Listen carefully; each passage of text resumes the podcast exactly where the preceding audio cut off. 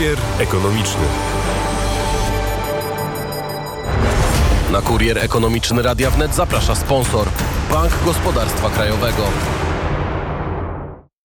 12.31 przy mikrofonie Adrian Kowarzyk. Jest ze mną gość, profesor Zbigniew Krysiak, ekonomista, Szkoła Główna Handlowa, przewodniczący Rady Programowej Instytutu Myśli Szumana. Dzień dobry. Halo, halo, czy się słyszymy, panie profesorze? Tak, halo, halo, A, słychać mnie? Tak, przeszliśmy przez problemy techniczne, więc y, przejdźmy do rzeczy. Za 32 dni zacznie w większości obowiązywać y, nowa rzecz, tarcza antyinflacyjna zapowiedziana przez rząd, przez premiera Mateusza Morawieckiego. Jak pan ją ocenia tak w kilku zdaniach całościowo? No to jest dobry krok. To y, w tym momencie w związku z inflacją, ale w okresie zimowym, bo tutaj najwięcej wydajemy właśnie na e, gaz, prąd, czyli te wszystkie źródła energii dla gospodarstw domowych i one będą właściwie jakby zabezpieczały przejście jakieś takie bez, e, niekrytyczne dla funkcjonowania gospodarstw domowych, dla ogrzewania mieszkań, prawda, i e, realizacji tych no, podstawowych czynności związanych z potrzebą właśnie energetyczną. To obniża oczywiście koszty, no i e, jest, e, wydaje się, e, tym ważnym elementem, który powinien w jakiś sposób też no, podtrzymać taką dobrą kondycję finansową gospodarstw domowych. Taki jest cel ceny prądu, gazu i benzyny. Jak widzimy od wielu, wielu miesięcy rosną. Ma to związek z inflacją, ale nie tylko, bo jedno też napędza drugie. Portal wysokie napięcie.pl wyliczył, ile średnio dla przeciętnej rodziny, oczywiście ciężko mówić o przeciętnej rodzinie, bo każda jest inna, ale taka rodzina, rodzice plus dwójka dzieci średnio na energię elektryczną i, i paliwa wydały w styczniu 2021 roku 842 zł. W styczniu y, przyszłego roku, czyli już za miesiąc, jest to 1047 zł, czyli wzrost o prawie 200 zł. To dzięki tarczy, bo po kwietniu, jak wylicza portal Wysokie Napięcie, ten wzrost będzie jeszcze o 100 zł większy, czyli gdyby nie tarcza, zapłacilibyśmy od stycznia 300 zł więcej, a tak zapłacimy tylko 200. Y, no tak, i tu trzeba jeszcze dodać, panie redaktorze, że te y, uboższe gospodarstwa domowe dostaną wsparcie, dodatkowe wsparcie w, na wysokości kwot od 400 do 1100 zł w, w, w skali całego roku. E, to będzie dodatkowo właśnie, no, można by powiedzieć, tutaj już redukować ryzyko, czy utrzymać de facto te koszty energii czy, czy gazu na poziomie właśnie stycznia 2021, no ale pamiętamy, że te, te dodatki dla ubogich rodzin, y, w sumie one by przewyższały ten, y, powiedzmy, tą nadwyżkę kosztów energii, ale też no, pamiętamy, że te koszty innych ceny innych produktów wzrosły, żywnościowe. I tutaj te uboższe rodziny będą y, miały możliwość, żeby jakoś też zabezpieczyć swoje potrzeby no, pożywienia i jakiegoś takiego funkcjonowania, nie tylko ogrzewania mieszkania. To skoro już pan profesor wywołał ten kolejny temat, czyli dopłaty dofinansowania, zapytam, bo pojawiają się głosy ekspertów, które mówią, że bieżąca aktualna inflacja, z którą mamy do czynienia w Polsce, częściowo też bierze się z tych dopłat, które były w ramach tarcz, tarcza PFR-u 2.0 i inne, te tarcze, które miały wspierać polskie rodziny, które miały wspierać przedsiębiorstwa, one trafiły na rynek i ostatecznie sprawiły, że inflacja wzrosła. Więc teraz pytanie, czy znowu nie gasimy E, ognia benzyną, dając kolejne pieniądze na zwalczenie inflacji, czy to się nie zapętli? Panie redaktorze, to, to tak nie zadziałało, że właśnie ta tarcza pan, e, w ram covidowa, prawda, ona e, te, tworzyła jakieś zasoby finansowe, nadmiar gotówki był wydawany, tworzył się jakiś zwiększony popyt, podaż nie nadążała, więc musiały wzrosnąć ceny. Te opis tego mechanizmu jest nieprawidłowy, bo trzeba pamiętać, że właśnie tarcza szła na to, żeby po prostu y, utrzymać y, jakość y, właśnie ludzi na stanowiskach pracy. I to była duża część właśnie spraw szło w tym kierunku, żeby firmy miały fundusz na wypłatę pensji. A wiemy, że w Polsce, proszę Państwa, pensje generalnie nie jesteśmy Niemcami, prawda, idą na utrzymanie bieżące funkcjonowania gospodarstw domowych. Także z tych właśnie środków dotyczących tarczy antykowidowej nie pojawiły się żadne jakby nadmiarowe kwoty, które generowałyby dodatkową konsumpcję. Tutaj to są jakieś, powiedziałbym, takie, nie wiem, próby dezawuowania sensu i też można powiedzieć, no, pozytywnych efektów przecież e, tarczy antykowidowej. Tutaj, tutaj jest podobnie.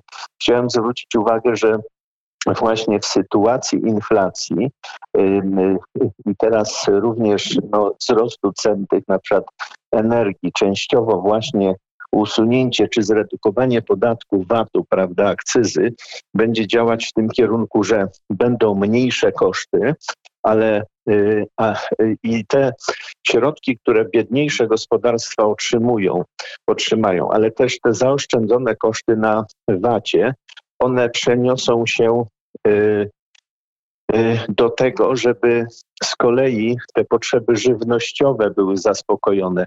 Chciałem zwrócić uwagę, że gdybyśmy nie robili obniżki VAT-u, podatków, to gospodarstwa domowe w ramach budżetu wydawałyby więcej na właśnie energię, zabierając pieniądze właśnie ze swoich tych potrzeb żywnościowych, podstawowych produktów.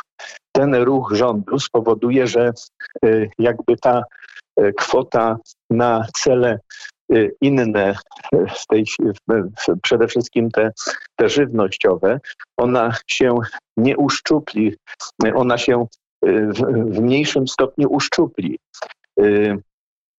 niż bez obniżki podatków, ale za, cały czas te środki zaoszczędzone na podatkach i te dodatkowe dla biednych rodzin, one pójdą na konsumpcję, ale nie nadmiarową. W związku z tym to też y, nie będzie w związku z tym wzrostu popytu, bo zwykle wzrost popytu y, przy jakiejś tam, jakimś poziomie podaży generowałby znowu wzrost cen, a tu tak nie będzie.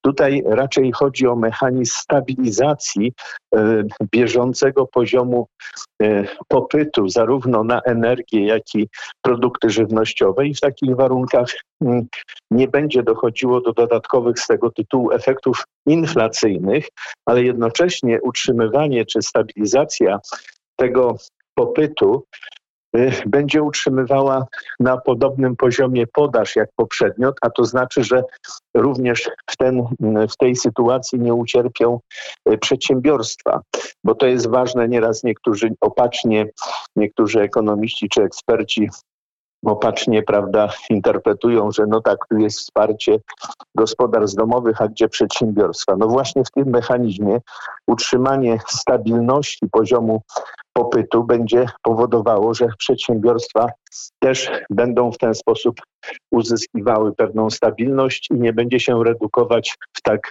dużym stopniu, a może wcale e, ich e, właśnie zdolność podażowa, a zatem przychody czy też zyski y, i w związku z tym utrzymanie tej działalności bieżącej w dobrym, y, w dobrym stanie. To, co pan profesor powiedział odnośnie, odnośnie bezrobocia, tu pełna zgoda. Polska wyszła obronną ręką z, z koronawirusowego kryzysu. Mieliśmy najniższe bezrobocie. Te tarcze na pewno, czy znaczy prawdopodobnie działały. Tylko znowu ekonomiści, niektórzy, oczywiście komentatorzy wskazują, że to był właśnie jeden z tych elementów, elementów, nie oczywiście główny, ale jeden z tych elementów, które wpłynęły na aktualną inflację. Pan mówi, oczywiście ceny ropy również tu miały do czynienia sytuacja na innych rynkach. Pan mówi, że zupełnie te tarcze nie przysłużyły się do zwiększenia inflacji, do absolutnie, zwiększenia podaży pieniądza? Nie, nie. To jest zła interpretacja, prawda? Bo proszę Państwa, jeszcze raz, tarcza właśnie poszła na, można powiedzieć, wypełnienie deficytu. Czyli to nie było tak, że, że pra, e, pracownicy zarabiali e, swoje pensje i plus do tego jeszcze tarcza zwiększała, bo gdyby tak było, wtedy byłaby inflacja. Tak samo te dodatki dla przedsiębiorstw, one dotyczyły e, właśnie jakby uszczuplonych dochodów, prawda? Czyli można by powiedzieć, że pandemia wprowadziła redukcję poziomu dochodów z pensji czy płac, poziomu płac, jak i właśnie przedsiębiorstw. I tarcza poszła na to, żeby ten deficyt w jakiejś części zredukować. Ten deficyt i tak nie był zredukowany, że tak powiem, w całości ale właśnie lekko został zamortyzowany i dlatego właśnie wyszliśmy obronną ręką, ale absolutnie w tej sytuacji to nie było czynnikiem generującym inflację to i tylko wyłącznie Powstaje pytanie, Tylko... czy tarcza antyinflacyjna ma wstrzymać napór tej inflacji, czy ona ją wyzeruje, zatrzyma na tym poziomie, czy może ją zmniejszy? E, a właśnie, właśnie o to chodzi. Bardzo dobrze, panie redaktorze, bo tu też funkcją tej tarczy antyinflacyjnej jest y, y, zmniejszenie, y, czy też przynajmniej ustabilizowanie, przynajmniej nie jakby zredukowanie tej presji wzrostu tej inflacji, czy też nawet wpłynięcie na zmniejszenie, ale pamiętajmy, jeśli efekty dotyczące energii, bo one po prostu ceny energii, one były kluczowe, one były zasadnicze i podstawowe do wzrostu inflacji i jeśli one nie będą miały już y, oddziaływania, w tym sensie, że już te ceny energii nie będą szły dalej w górę, to właśnie ta tarcza antyinflacyjna będzie, tak jak powiedziałem, również w tym momencie w takich warunkach oddziaływała na e, redukcję inflacji. No tak, tylko tego nie możemy wiedzieć. Mamy na przykład e, z, z Komisji Europejskiej e, obliczenia. Październik 2021 roku w Irlandii na rynku hurtowym energia zdrożała w sumie przez dwa lata prawie 350%, Czechy 220%, Finlandia, Polska tu około 83%, więc wydawało się, że wzrost nie jest aż tak ogromny, no ale rozumiem, że założenie rządu jest takie, że po działaniu tej tarczy antyinflacyjnej, czyli po marcu, czyli 1 kwietnia nagle magicznie te ceny przestaną rosnąć? Czy rozumiem, że to jest założenie, że będą kolejne tarcze, kolejne dofinansowania i kolejny sposób na przeciwdziałanie tym wzrostom cen energii? Nie, nie, nie magiczne, bo spodziewamy się tutaj, y, bo no, trzeba było ustalić jakiś okres, okres przede wszystkim taki, kiedy potrzebujemy się ogrzewać, żeby nie zamarznąć zimą, prawda? Tu jest główna jakby linia. Tak, bo główny wzrost to jest cena gazu właśnie. Główna linia obrony. To jest jedna rzecz. Druga rzecz, to nie będzie tak, że w marcu magicznie, tylko ja się spodziewam, że te procesy jakby w, w, w, których już nie będzie wzrostu cen gazu, tak? Mam nadzieję, bo jeśli będzie wzrost cen gazu z powodu złej nadal utrzymywania złej polityki Brukseli, Niemiec, Rosji, to my się nie, nie mamy takich instrumentów, żeby e, na, na tamto wpłynąć. Ale mamy jeden pozytywną e, sprawę, bo na początku następnego roku uruchamiamy Baltic Pipe, czyli norweski gaz. I tu, proszę Państwa, nasz norweski gaz plus zbiorniki w Świnoujściu i własne zasoby, które wydobywamy, pokrywają całą potrzebną konsumpcję w Polsce. I tutaj właśnie e, jakby myślę, że też rząd jakby oferując tą datę e, marzec e, również uwzględnia to, że my mamy już na poziomie wiosny z perspektywy wolumenu gazu, który nam jest potrzebny, sytuację zabezpieczoną. I tutaj właśnie jest według mnie takie myślenie i ono ma pewną logikę. W związku z tym możemy czuć się bardziej stabilni Y, a przede wszystkim bezpieczni. Czyli jak rozumiem, będziemy mieli tańszy gaz pochodzący z Norwegii, ale mamy też umowy y, podpisane z Rosją, z Gazpromem odnośnie dostarczania gazu, więc rozumiem, że będziemy mieli nadwyżkę, którą będziemy sprzedawać. No, no, tak, my mamy prawo w ogóle do sprzedaży tego gazu, też z tego ze Świnoujścia. Przecież już w tej chwili mamy, proszę Państwa, interkonektory z, z Czechami, Słowacją, Litwą, z, z Ukrainą, y, Mołdawia, prawda? Podpisaliśmy też właśnie porozumienie o, o wspieraniu w razie deficytu u nich właśnie gazu. No tutaj też powoli przecież ten, ta umowa z Gazpromem wygasa.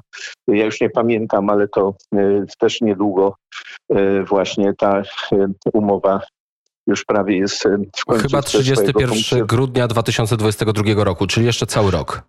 Y, Tak, to daje nam ten bufor, no bo myśmy, y, panie redaktorze, planujemy uruchomić ten Nord Stream, prawda, w następnym roku, ale żeby on się rozgrzał, tak, Baltic to. Pipe chyba, nie Nord Stream.